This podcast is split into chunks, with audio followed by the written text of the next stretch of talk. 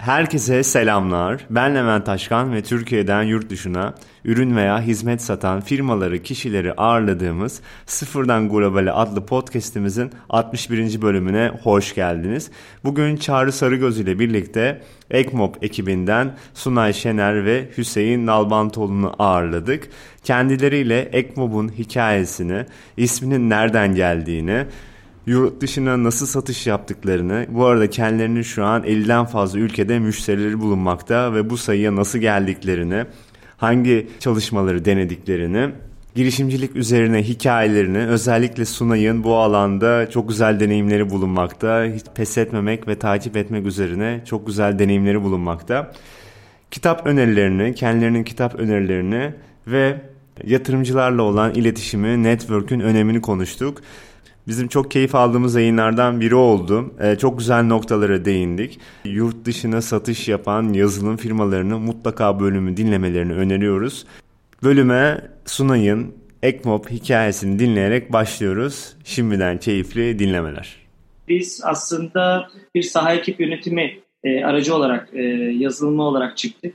E, zaman içerisinde de ürünümüzü farklı dönemlerde e, pivot ettik. Bugünkü geldiğimiz noktada bir SFA çözümüyüz. E, Salesforce Automation satış ekipleri için tamamıyla satış ekiplerinin güncel durumlarına uygun, e, saha çalışmalarına uygun bir mobil uygulama sunuyoruz. Onların sahadaki yaptıkları bütün ziyaret, arama, video konferans aktivitelerini kayıt altına alıp ayrıca ziyaretler esnasındaki fırsat, satış ve CRM base verilerinde hızlı bir şekilde basit bir e, arayüz mobil uygulama üzerinden girmelerini ve bunları merkeze anında aktarmalarını sağladığımız e, bir altyapı e, sunuyoruz e, çalıştığımız firmalara. Ekbob'un aslında kısaca özeti bu.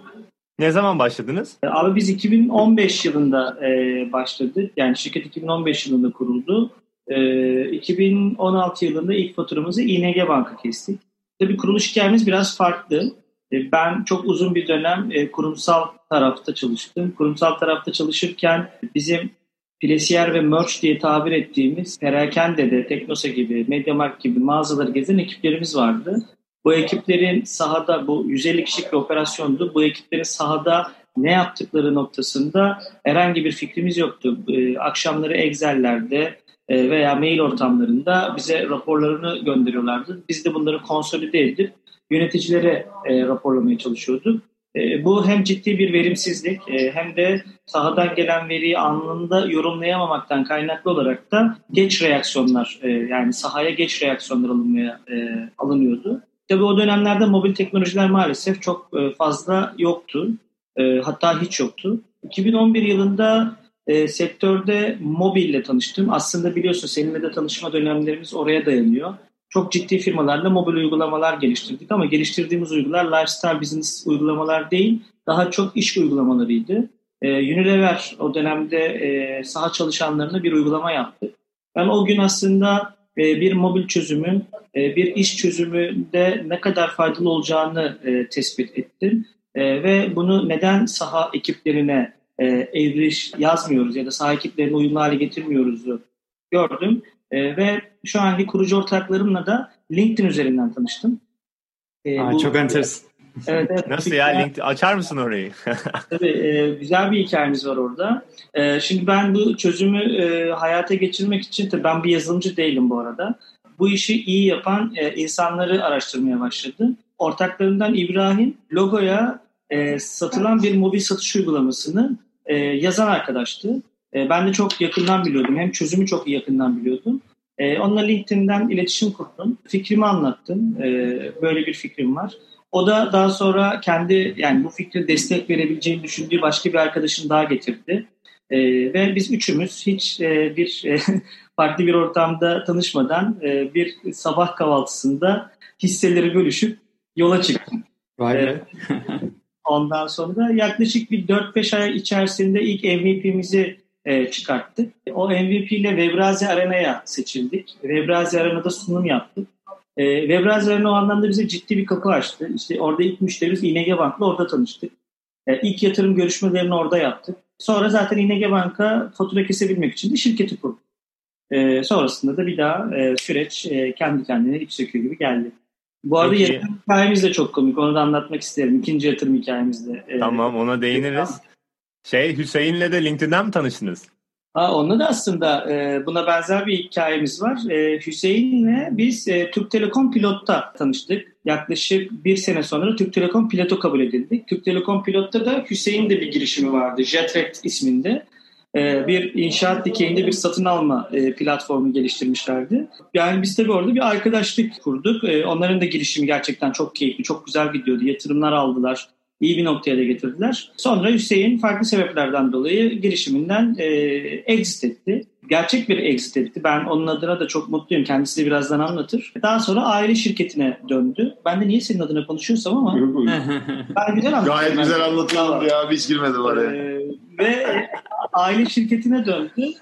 Şeyi hiç unutmuyorum. Böyle bir gün bir yatırımcıyı sormak için Hüseyin'i aradım.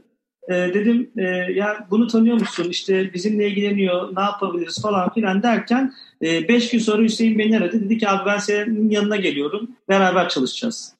Dedim abi her zaman buranın kapısı sana hiç hiçbir sıkıntı yok. Yaklaşık bu konuşmanın üzerine bir ay sonra atladı geldi. E, şimdi gayet e, keyifli bir şekilde kaç ay oldu? 8-9 ay oldu. E, bizim bütün aslında bugün konuşmamızın sebebi olan e, ihracat yani bizim büyümeden sorumlu arkadaşımız. Yani bütün pazarlama ve büyüme stratejilerini Hüseyin'e emanet ettik.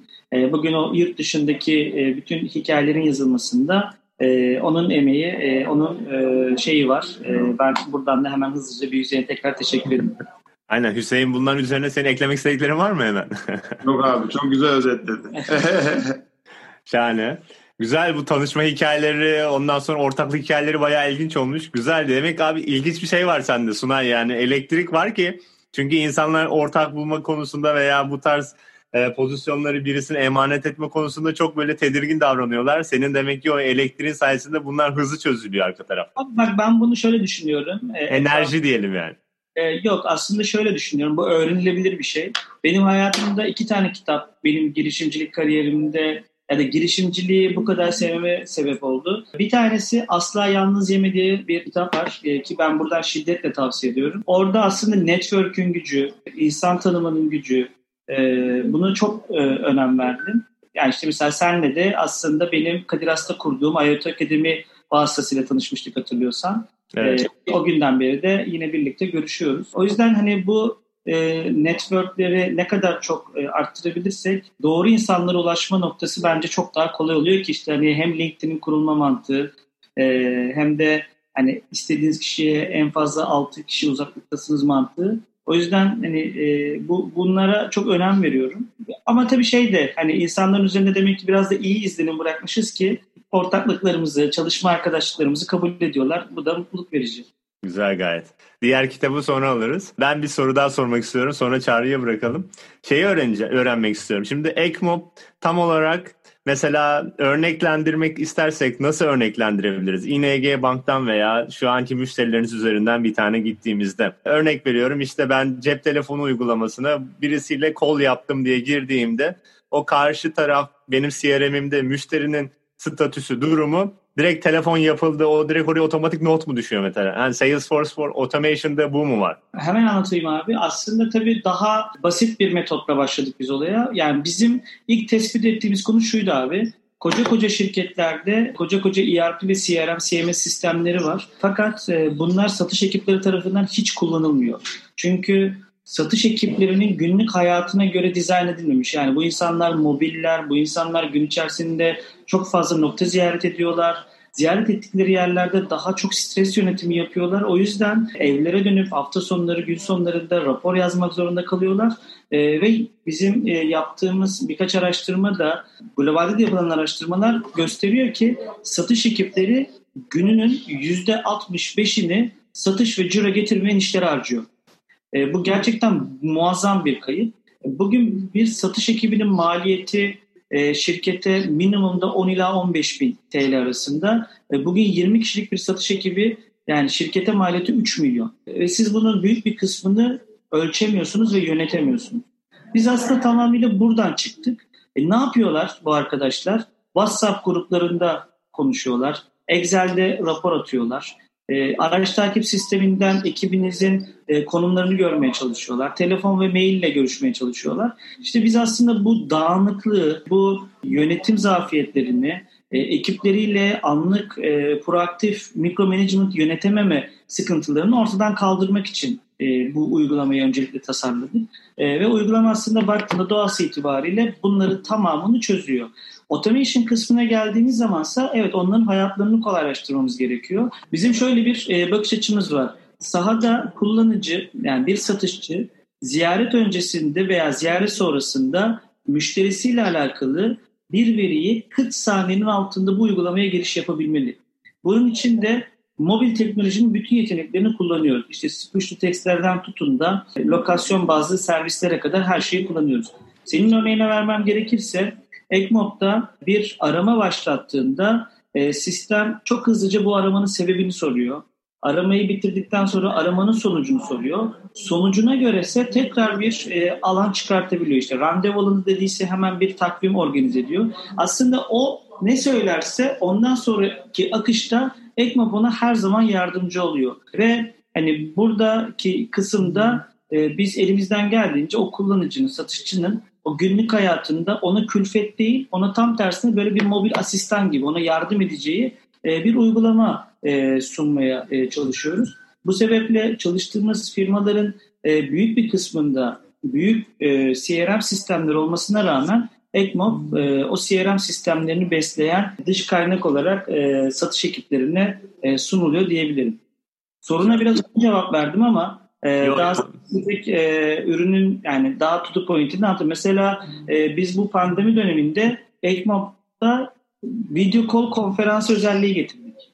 Yani satı yani biliyorsunuz pandemi hani yeni normal gibi böyle herkesin kullandığı o cümleyi kullanmak istemiyorum ama e, sonuç itibariyle satış ekipleri şu anda sahada ziyaret yapamıyorlar. Ama şu anda bizim sizinle yaptığımız gibi uzaktan e, satış görüşmelerini veya müşteri görüşmelerini devam ettiriyorlar. Biz e, Ekmova bu dönemde mobil cihaz üzerinden one to one karşı tarafta görüşebileceği e, bir video konferans özelliğinde sistemin içine entegre ettik ve e, yayını aldık. E, şu anda birçok müşterimiz kullanıyor.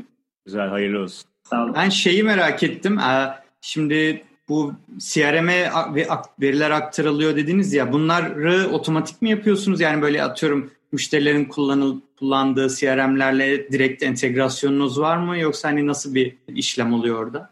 Abi şurada şöyle bizim bir marketplace'imiz var. Yani benim Ekmob'u tasarlarken e, üzerinde durduğum en önemli konulardan bir tanesi mutlaka bu ürünün bir marketplace olacak. E, burada da çok fazla servis var. Çünkü her şeyi biz geliştiremeyiz. Bu marketplace'in içerisinde ERP sistemleri, CRM sistemleri, harita servisleri, IVR vesaire gibi birçok sistemi entegre ediyoruz. Şu anda Logo, Micro, Microsoft Dynamics çok yakın zamanda da Salesforce, Parachute, e, Yandex, e, Google Maps, Foursquare e, bunlar zaten şu anda halihazırda e, Alotek, Eleven Site e, bunlar şey, şu anda marketplace'in içerisinde tek tuşla entegre olduğumuz servisler. Ama bir taraftan da bizim e, bir API'miz var, public API'miz var. Kullanıcılar kendi sistemleriyle de entegre olmak isterlerse de o API üzerinden bu entegrasyonları sağlayabiliyoruz. Anladım. Marketplace'i peki e, yani siz mi hep maintain ediyorsunuz, siz mi yazıyorsunuz Marketplace'teki pluginlerin kodlarını yoksa baş, dışarıdan yazanlar da oluyor mu? Valla o hayalimiz yani bir sonraki level'da dışarıdan da Ekmob'un içerisine e, yazılım geliştirme noktasında kendimizi evrimleştirmek istiyoruz ama şu anda bütün maintenance'ını, bütün o en, ilk entegrasyon altyapısını biz geliştiriyoruz. Anladım, anladım süper. Belki işte zamanla yayıldıkça CRM sağlayıcıları kendileri yazmaya başlarsa güzel olur artık. O harika bir şey olur zaten. Yani o işin artık nirvanası diyeyim ben. Aynen. Bu yurt dışı hikayesini dinleyelim mi Hüseyin senden? Tabii. Nasıl başladınız? Hani hangi ülkelere ilk açıldınız? Tabii şöyle yaptık aslında. Bizim öncelikli stratejimiz Türkiye'de çalıştığımız multinational'ların yurt dışı ofislerine gitmekti. Türkiye'deki referanslarıyla. Bu minvalde yani ilk açılma operasyonumuzu bu şekilde başlattık. Ee, ondan sonrasında da kendimize işte birkaç parametre, birkaç diye böyle kısalttığıma bakmayın bir yaklaşık 20 sayfalık bir analiz yaptık ve birkaç tane kendimize odak ülke belirledik. 10 tane. Bu 10 ülkeden de 4 tanesinde lokal içerikle ve lokal web sitelerle, landing page'lerle bir dijital outreach çalışması yaptık. İşte LinkedIn'den belirlediğimiz bir script ve bir sales machine geliştirdik. Bunu takip ettik. Yani birinci mesaj, ikinci mesaj, üçüncü mesaj, dördüncü mesaj.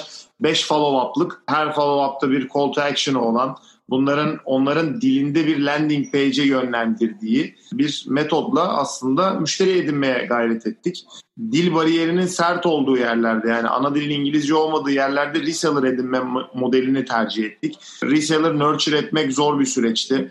Çünkü orada sizin ürününüzü satabilecek kadar yani gerçekten kendinizi klonlamanız gerekiyor. Bir tane daha Sunay, bir tane daha Hüseyin, bir tane daha Levent, bir tane daha Çağrı bulmanız veya Çağrı yetiştirmeniz gerekiyor.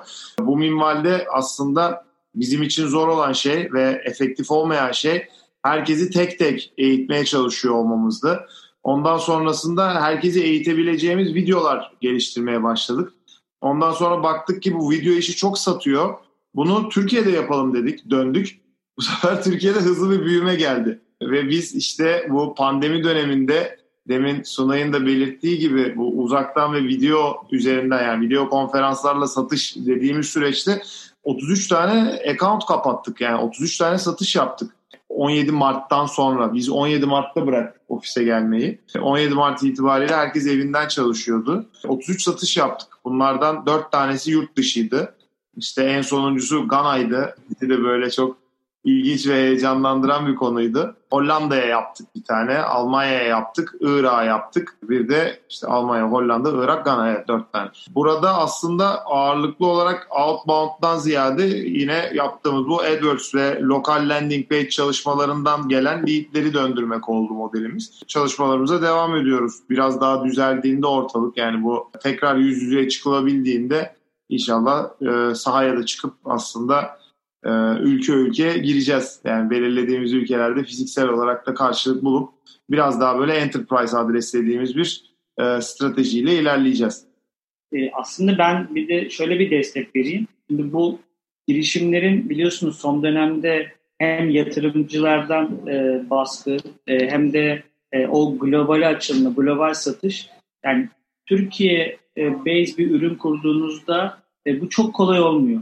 Ki hani pandemide e, bu işlerin bu kadar kolay olmadığının bence bir örneği. Ben mesela e, geçen işte Airbnb'nin biliyorsunuz bu dönemde e, bu konularla ilgili yaptığı açıklamalar da çok e, enteresan. E, Airbnb en son yaptığı açıklamasında şunu söylüyor. Diyor ki artık biz global bir firma değiliz pandemi sebebiyle. Evet e, sağlık sektörü bazı alanları çok fazla etkiliyor ama e, globale açılmak gerçekten o kadar da kolay değil. E, ki Hüseyin az önce verdiği örnek o lokalize e, hareket edebilme yeteneği e, hem maddi anlamda e, ciddi bir e, operasyonel yük getiriyor hem de sizin mühendislik ekibinizin o ülkedeki lokalizasyona e, ürününüzü adapte etmesi ciddi bir e, maliyet. Biz burada ilk bu konuları tartışırken e, neden Türkiye'de e, global ağı olan firmalarla çalışıp onların ülkelerine gitmiyoruz e, fikriyle de aslında biraz da yola çıktı. Ben böyle bir destek vermek istiyorum. Çalıştı işte bu. Evet e, ve bu gerçekten e, çok da güzel çalışıyor. Yani şu anda yani çok yakın bir tarihte aslında e, Hüseyin e, söylemedi ama Azerbaycan, Rusya, Romanya ve Arnavutluk'ta da e, ürünümüz, e, bir de İspanya fırsatı var. E, buralarda da ürünümüz kullanılmaya başlanacak. Buralarda kullanılmasının sebebi Türkiye'deki bir firmanın yurt dışı operasyonları.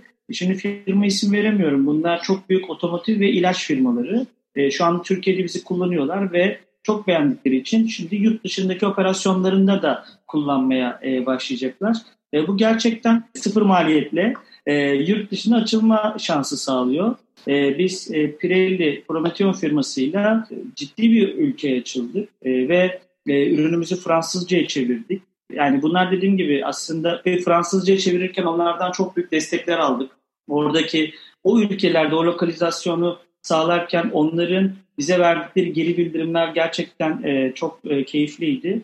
E, o yüzden tahmin ediyorum önümüzdeki bir yıl e, bu büyümeyi yani bu açılımı e, devam ettireceğiz ve benim şiddetli tavsiyem e, eğer Türkiye'de böyle zor bir dönemde yurt dışına gitme noktasında lokalizasyon sorunu yaşıyorsanız Türkiye'deki global ölçekli firmalarla onların vasıtasıyla açılmanın ben en mantıklı yöntemlerden biri olduğunu düşünüyorum. Fiyat performans olarak. Yani yoksa eğer böyle sonsuz bütçelerden bahsediyorsak evet. işte kenarda bizim de belki 3-5 milyon dolarımız olsaydı tak tak gider ofislerimizi açar orada account manager'larla ilerleyebilirdik ama biz hep böyle taşın suyunu sıkmak dediğimiz kültürden gelip işte ücretsiz içerik geliştirelim, işte ücretsiz çeviri yaptıralım, işte landing page'ini de şöyle yapalım, işte bunu deneyelim, AdWords'ü gece çalıştırmayalım.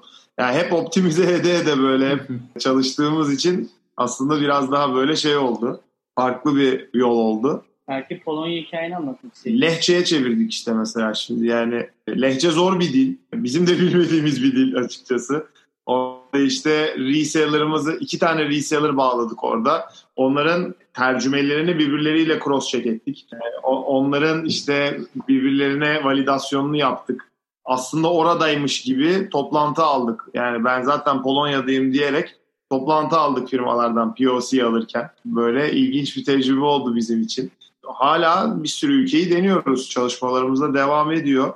Farklı farklı yani farklı dinamiklerde, farklı kültürlerde farklı şeyler çalışıyor. Bunları da aslında yani repetitif satış yapana kadar da bu oldu dememek lazım aslında. Yani bir iki tane satışla tamam ben bu ülkenin dinamiklerini çözdüm dememelisiniz. Çünkü aslında iyi bir satışçı her ürünü her yerde en azından 3-4 kişiye satabilir. Yani ben en azından böyle düşünüyorum.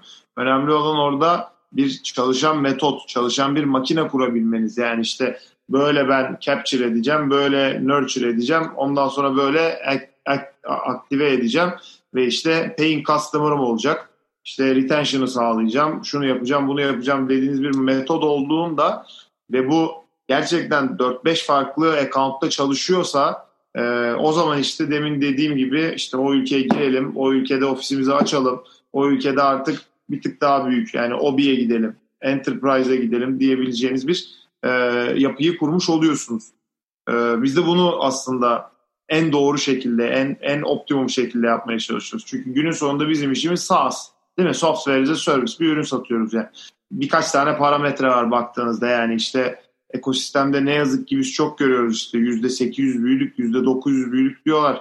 Ama işte şey hangi parametrede yani ben de burada kandırmaksa bir sürü şey söyleyebilirim yani 18 katına 20 katına çıktığımız. Ama aslında şey yani lifetime value over customer acquisition cost diye bir parametre var böyle en kritik bence. Onun en doğru olduğu yeri bulup oraya odaklanmak lazım. Biz de onu deniyoruz yani. Aslına bakarsanız 53 ülke yerine yani ben sıfırdan kuracak olsam bugünkü bilgi birikimiyle yani bu 10 aylık tecrübemizi Sunay'la biz tekrar bugün konuşup baştan başlıyor olsaydık belki iki ülkede kalıp iki ülkede 20 enterprise bağlamış olmayı tercih edebilirdik. Ama işte hala biz bu optimumu bulmaya çalışıyoruz ve inanıyorum ki bu birden fazla yani onlarca ülkede denemenin verdiği güçle birlikte e, en doğru yerde agresif bir büyüme elde edeceğiz. Süper. Ben şeyi merak ettim şimdi yurt dışına hani açılmaktan, lokalizasyondan bahsettik. İki tane hani soru geldi aklıma. İlki Ekmop ismini mi kullanıyorsunuz yine yurt dışında? Çünkü hani böyle biraz garip gelebilir sanki gibi geliyor bana. Özellikle İngilizce konuşulan yerlerden diğer dillerde nasıl duyulur kulağa bilmiyorum ama hani böyle bir biraz garip gelebilir gibi geldi bana. İkinci sorum da e, yani web sitesinde bir fiyatlandırma bilgisi göremedim. Bu fiyatlandırmayı da ülkeye göre değiştiriyor musunuz? Aylık mı, yıllık mı nasıl ücretlendirmeniz var yoksa müşterisine göre değişiyor mu? Nasıl bir modeliniz var orada? Aslında şöyle değişmiyor. Onu baştan söyleyeyim. Türkiye'de de iki paketimiz var. Yurt dışında da iki paketimiz var. Türkiye'deki ve yurt dışındaki paketin fiyatları farklı. Hı hı. Fakat biz orada şöyle çok net bir şey yapıyoruz. Bunu böyle herkese açık bir ortamda söylemek ne kadar doğru bilmiyorum ama pricing metodu ne kadar karışık olursa aslında o kadar çok para alıyorsunuz karşı taraftan. Böyle bir şey var. Baktığınızda işte built-in locked-in model diyorlar. İşte girdi mi çıkamıyor karşı taraf. Efendime söyleyeyim karıştırıyorsunuz birkaç şeyi. Biz bunu internet sitemizde yayınlamayı bıraktığımızda aslında biraz daha böyle ilginin arttığını gördük. Yani tak diye gördüğünde işte ben alayım, sepete ekleyeyim, oradan satın almayı gerçekleştireyim gibi bir metot çok da çalışmıyor. Biz ne yapıyoruz? Onun yerine işte size özel quotation hazırlayalım, işte şunu yapalım, bunu yapalım dediğimizde o low touch sales'dan high touch sales'a doğru koşturduğunuzda aslında firma ne kadar küçük olursa olsun daha bir flattered oluyor yani daha bir hoşuna gidiyor. Daha bir böyle benle hakikaten ilgilenildi, benimle bir account management yapıldı gibi bir metoda bürünüyor. Gün sonunda sizin satış yaptıklarınız kişiler yani işte ben Ekmob'a satış yapıyorum ama aslında Ekmob'daki Sunay'a satış yapıyorum veya işte Levent'e satış yapıyorum, Çağrı'ya satış yapıyorum. Yani gün sonunda enterprise sales birden fazla insanla muhatap olduğunuz bir satış kapatma şekli. O yüzden psikolojik şeylerin çok üzerinde durmak gerekiyor. Yüzden buradan şeyden devam edebilirim yani e, marka logom yani ismimizle alakalı istiyorsan soruna cevap vereyim. Orada da ya bizim bu arada Ekmop ismini koymak da biraz komik oldu. Biz Bevraz Arena'ya kabul edildik. Kabul edildiğimiz gün ne ismimiz vardı, ne web sitemiz vardı, ne bir logomuz vardı. Hiçbir şeyimiz yoktu. Yani biz sadece oturduk, ürün yazdık. O yüzden 15 gün içerisinde bir isim bulmamız ve bunu e, hızlı bir şekilde yayın almamız gerekiyordu. Orada çok yaratıcı olamadık maalesef. Ekmo, Ekip Mobil'den geliyor. E, aslında Ekip Mobil'in kısaltması. Ben ona bazen böyle dalga geçelim diye Camsil diyorum. Yani bu Camsil'in böyle bir karikatürü var. Hiç gördünüz bilmiyorum ama ya diyor patron çok güzel bir ürün bulduk diyor ama bir türlü ismini bulamadık diyor. Nerede kullanılıyor bu ürün diyor. Camlarda. Ne yapıyor diyor. Siliyor diyor. O zaman camsız olsun, olsun diyor. Aynen onun gibi. Tamamıyla işte ekip mobil öyle bir işte şey olsun derken Ekmob ismi çıktı. Evet bu arada çok haklısınız. Yani gerçekten yurt dışında hem telaffuzu çok zor hem de bir algı veya bir şey bırakmıyor. Burada yeni bir kurumsal kimlik çalışmasına girdik. Yani bir remarketing şey rebranding yapıyoruz. Fakat bunun ismimizi değiştirmeye cesaret edemedik. Onu çok ne söyleyeyim. Çünkü 5 yıllık, beş yıllık bir var. E, gerçekten evet. Ekmob'un üzerine inşa edilmiş bir e, şey var. Kurumsal kimlik, bilgi, yani inanılmaz bir içerik var. Ve bir şekilde Türkiye'de e, artık satış ekipleri tarafından da e, bilinen bir marka haline geldik. E, özellikle satış yöneticileri tarafından. Ona çok cesaret edemedik. O yüzden Ekmob ismiyle devam ediyoruz. Belki e, yurt dışında artık tamamıyla lokalize olup orası için e, bir rebranding yapabiliriz. Burada Türkiye'de onları yapanlar var. Yani Türkiye'deki Türk ismiyle yurt dışına gittiğindeki ismini farklılaştıran Tayga e, mesela çok güzel bir örnek buna. Evet, mutlu aynen. bir Evet. İçerik bulutu yine content. Aynen öyle bir şey olabilir diye ben de düşünmüştüm. Yani Türkiye'de content kalabilir. Türkiye'de anlamlı zaten de hani yurt dışında mob mesela hani mafya falan anlamına geliyor. Baya hani kötü şeyler de uyandırabilir İngilizce'de ya, Mobbing diyen oldu. Evet yani isim, farklı farklı ismine doğru gidenler oldu. Dediklerim çok doğru bu arada. Yani şu anda yani evet yönetebiliyoruz hala ee, ama işte sustain olmaya başladığında yurt dışı, yurt dışı e, süreçleri o gün e, tekrar bunu elden geçirmek zorunda kalacağımızı farkındayız. Anladım süper. Bu yatırımcı hikayesinden bahsetmiştin Sunay. Ona da değinelim mi böyle? Çok ilginç olduğunu söylemiştin.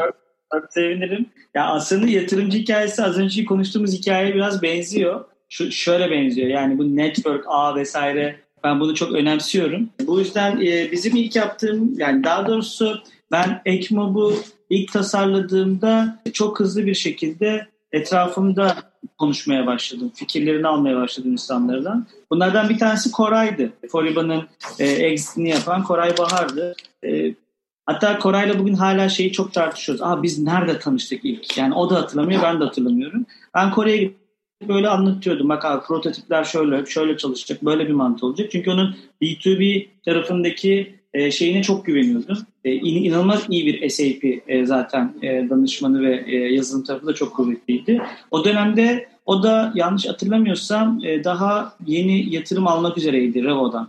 Biz dediğim gibi aralarda böyle görüşür görüşürken Koray exit'ini yaptı ve direkt parayı aldığı gün ertesi sabah geldim. Dedim abi kahvaltı etmemiz lazım. Ee, dedim abi böyle böyle ilk yatırımını e, yapıyorsun hayırlı olsun. Ee, işte o biraz şey yaptı abi bak ben yatırımcı değilim anlamam bu işlerden. Dedim ki abi bu ürünü sen benden daha iyi biliyorsun. Hayırlı olsun sen kaç para vereceğini söyle bana. Ee, ondan sonrası ben geri kalanı toplayacağım dedim.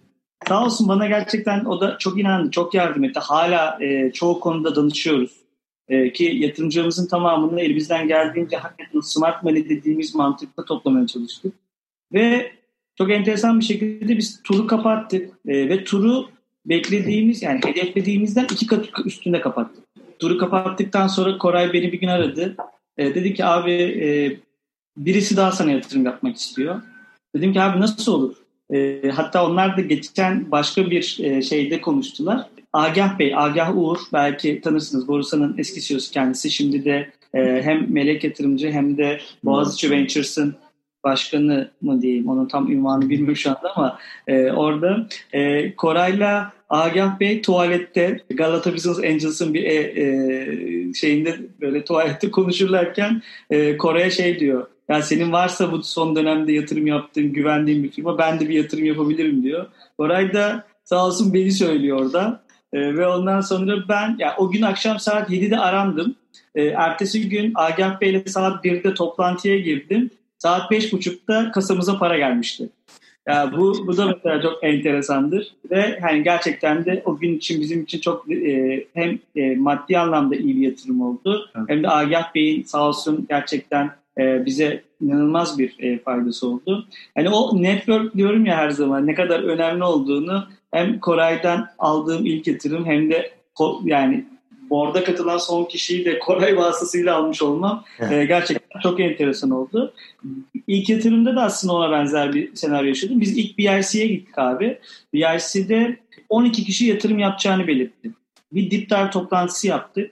E, iki gün sonra bir mail geldi. Dediler ki yatırım yapmıyoruz. Başından aşağı kaynar sular döküldü. Ya dedim ki yani 12 kişinin... Biz bu arada o zaman komşuyuz. Yani ikimiz de Yıldız Teknopark'ta ofislerimiz. Ben kendi işimi yapıyorum. Sunay'la da arkalı önlü ofislerimiz yani. Aynı evet. koridorda değiliz evet. sadece. Ofisler birlikte. Hep böyle konuşuyoruz. Sunay böyle diyor ne yapacağız ya kesindi para geliyordu şuydu buydu derken böyle ilk, ilk şokuydu çok net hatırlıyorum. Aslında yani o dönemde yatırım almak böyle birazcık itibardı. Yani ben mesela bir dönem hatırlar mısınız bilmiyorum ama startupların %82 milyon TL üzerinden değerlenip 200 bin lira yatırım alan bir furya var yani. O ben sayabilirim böyle bir yaklaşık 10-15 tane startup sayabilirim bu şekilde.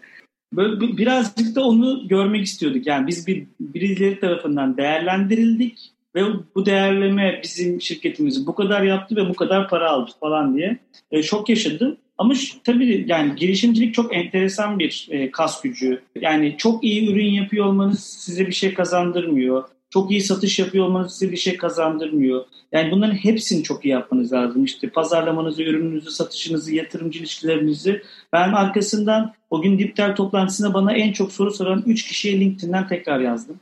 Tekrar onlarla birebir konuştum ve BIC'nin dışında onlardan bireysel olarak ilk yatırımlarımı ilk yatırımımı o şekilde aldım. Ee, ve sağ olsunlar yani o gün bize öyle o şekilde güvendiler. Ee, ve ondan sonra da zaten yolumuz bir daha hep açıldı. Ee, bugünlere kadar da geldik. Güzel. Sen iyi kovalıyorsun abi bence. İyi bir hasılır yönün var yani. Direkt başkası olsa onları mesela LinkedIn'den eklemeyebilirdin de. Ya bilmiyorum. Ben ama şey girişimciliğin böyle bir şey olduğunu düşünüyorum. Bu arada e, yani Ekmob 4 4,5 senelik döneminde 3 kez batma tehlikesi geçirdi. Yani hani biz 3 kere dükkan kapatma noktasına da geldik. E, ama her seferinde gerçekten ya yeni bir müşteri e, bizi kurtardı ya yeni bir yatırım kurtardı. Yani bunların hepsi e, deneyimle ama zaten bu şekilde e, güçleniyorsun ve ondan sonra ayakta kalabiliyorsun. Yani bunların bunları yapmadım, yapmadım dersek bana biraz tuhaf geliyor. Hani bununla bu yollardan geçmek gerekiyor diye düşünüyorum. Güzel. Yavaş yavaş kapatalım isterseniz. Sizin eklemek istedikleriniz var mı konuştuklarımız üzerine? Çağrı senin sormak istediğin de olabilir. Ee, ikinci kitabı sorabiliriz. Hani Aynen. kitap demiştin sana. Evet orada da e, ben Starbucks'ın e, hikayesini çok etkilenmiştim. E, Howard Schultz'un Starbucks kurucusunun kitabı ve kitabın ismini unuttum ama. Ama Starbucks ve Howard Schultz dediğimizde zaten Hı-hı. ortaya çıkar.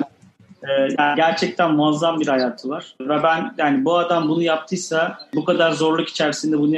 Abi tek bir şey söyleyeyim. Adamın iş planında kaç tane dükkan açmak var biliyor musun? Yani adam ilk yatırımını alırken e, kaç tane e, Starbucks açacağını e, beyan ediyor? 20 falan mı? Ya sen söyle. Ben 50-100 falandır. Yani küçük bir şey herhalde, Abi, küçük bir rakam. Evet, evet, aynen öyle. 100 tane dükkan açacağının planını yapıyor. Yani bütün iş planı 100 dükkan üzerine kurulu abi. Ben de, ben de hikayesini okudum. Bahsettiğin kitaptan değil de başka bir şekilde. Ya yani birisinden satın alarak kuruyor galiba aslında. Yani aslında Starbucks kendi değil de olan bir şeyi satın alıyor sanki. Ben öyle hatırlıyorum. Aslında şöyle, e, çok kısaca hemen değinebilirim. Çünkü çok seviyorum o hikayeyi. E, Howard aslında çok fakir bir aileden doğuyor.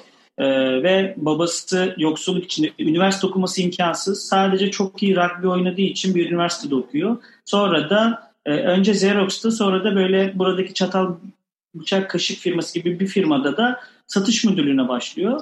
E, ve şey dikkatini çekiyor. Bir firma devamlı French press alıyor abi. Çok sık alıyor, çok fazla alıyor. Bir bakıyor Starbucks diye bir firma bizden devamlı French press alıyor ve Starbucks'ın yanına gidiyor. E, o Starbucks tabii o zaman 10 tane şubesi olan gurme kahve üreten bir e, kahve çekirdeği firması. Sonra orada onların hikayesini dinliyor ve İtalya'ya ürün sattıklarından falan bahsediyor. Sonra İtalya'ya gidiyor. İtalya'daki o kahve kültürünü görüyor ki biliyorsunuz Starbucks İtalya'da dükkan açtı. Bayağı bir şey oldu. E, olay. olay oldu yani. Hı. Sonra İtalya'daki o kahve kültürünü alıp onu burada gelip ben bunu bir Burger King, bir McDonald's yapabilirim diyor. Starbucks'a çok zar zor işini bırakıyor. Oraya çalışan olarak gidiyor ve oradan atılıyor.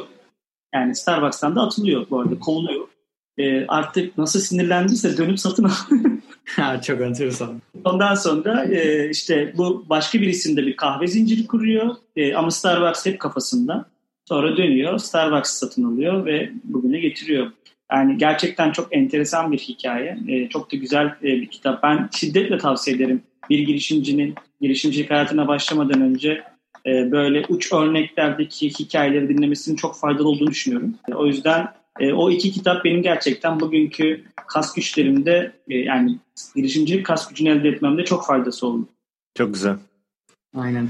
Güzel. Yani sonuç yurt dışına açılmak için de çok belki şey yapmamak lazım ya. Kafayı da yememek lazım. Çünkü yurt dışına açılırken de çok heba olan firma da e, gördüm. Türkiye bence hala çok iyi bir pazar. Evet sıkıntılı bir ülkeyiz ama o kadar da kolay değil. Ben iki tane rakam söylemek istiyorum. Türkiye aslında e, bilinmezliklerin çok yüksek olduğu ve enflasyonun çok yüksek olduğu bir yer. Yani her geçen gün paranız eriyor son 10 yıla baktığınız zaman. Ama e, yine bakıyorsunuz dünyanın en büyük 17. ekonomisi. Ve gayet fazla firma sayısı var. Nüfusu çok büyük. Yani hem B2B için hem B2C için çok ilginç bir ülke. Birikim yapma alışkanlığı çok düşük bir ülke. Yani birikim yapmıyoruz biz, harcıyoruz. O yüzden sadece B2B için değil, B2C için de aslında çok çok fazla fırsatın olduğu bir yer burası. Belli yere geldikten sonra zaten yol sizi yurt dışına götürüyor. Yani biz Fortune 500'deki firmalarla çalışmaya başladıkça zaten onların ya HQ'su burada ya Region Head'i burası. Yani e, Dubai'yi de buradan yönetiyor, EMEA'yı da buradan yönetiyor, MENA'yı da buradan yönetiyor, işte Afrika'yı da buradan yönetiyor. E, böyle olunca zaten onlar sizi götürüyor yurt dışına. O yüzden Türkiye'de bir yüz satış yapmadan diyeyim B2B isen eğer çıkıp şey dememek lazım yani ben yurt dışına gideceğim falan dememek lazım bence. Aslında biraz o hedeflediğiniz şeye göre şirket hani büyüklüğüne göre de değişir bence. Mesela enterprise için çok mantıklı. Ee, ama diyelim ki yani daha küçük şirketleri hedefliyorsunuz 5-10 kişilik ya da 20 kişilik e, small business'ları hedefliyorsanız hani o, o öyle o durumda bence direkt yurt dışını düşünerek yola çıkmak daha mantıklı. Mesela şu an işte ben user guiding ile çalışıyorum. Şimdi yani ben Türkiye'de... user guiding örneğini verecektim. Yani Osman benim okuldan arkadaşım. Aa öyle ee, mi bilmiyordum. Tabii tabii. Sunay da Endeavor'dan tanışıyor.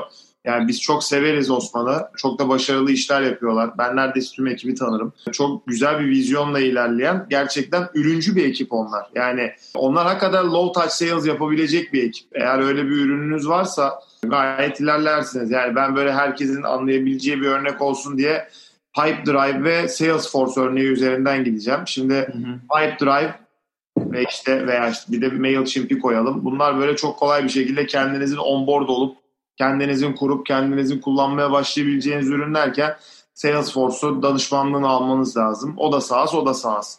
Ee, o da ürüncü, o da ürüncü. Yani baktığınız zaman böyle farklılıklar var diyeyim aslında. Yani hepimiz birbirimizi anladık diye düşünüyorum. Aynen, aynen.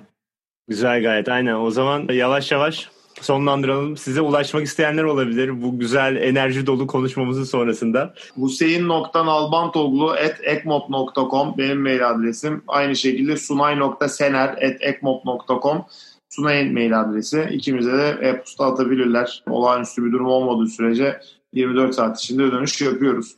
Çok böyle absürt bir yoğunluk veya başka bir şey yoksa bence gayet net. Yani LinkedIn'den de yazabilirsiniz. Her zaman cevap veririz. Evet evet. Süper. Çok teşekkürler.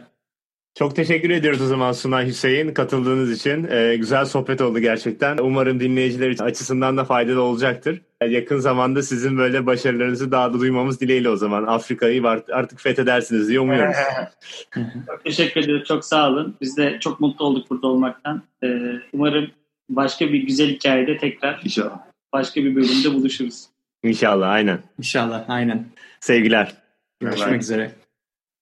Bölümü dinlediğiniz için teşekkürler. Bölüm içerisinde geçen kitap önerilerini ve linkleri detaylar kısmında paylaştık. Bizi hala takip etmiyorsanız şu an dinlediğiniz platform üzerinden takip et butonuna basarak son gelişmelerden ilk siz haberdar olabilirsiniz. Bununla birlikte sorularınız olması durumunda bizimle selam et sifirdanglobale.com mail adresi üzerinden iletişime geçebilirsiniz. Canlı yayınlarımızdan haberdar olmak isterseniz de YouTube kanalımızı mutlaka takip edin. YouTube'da hafta içerisinde canlı yayınlarımız gerçekleşiyor. Kendinize çok iyi bakın. Sevgiler.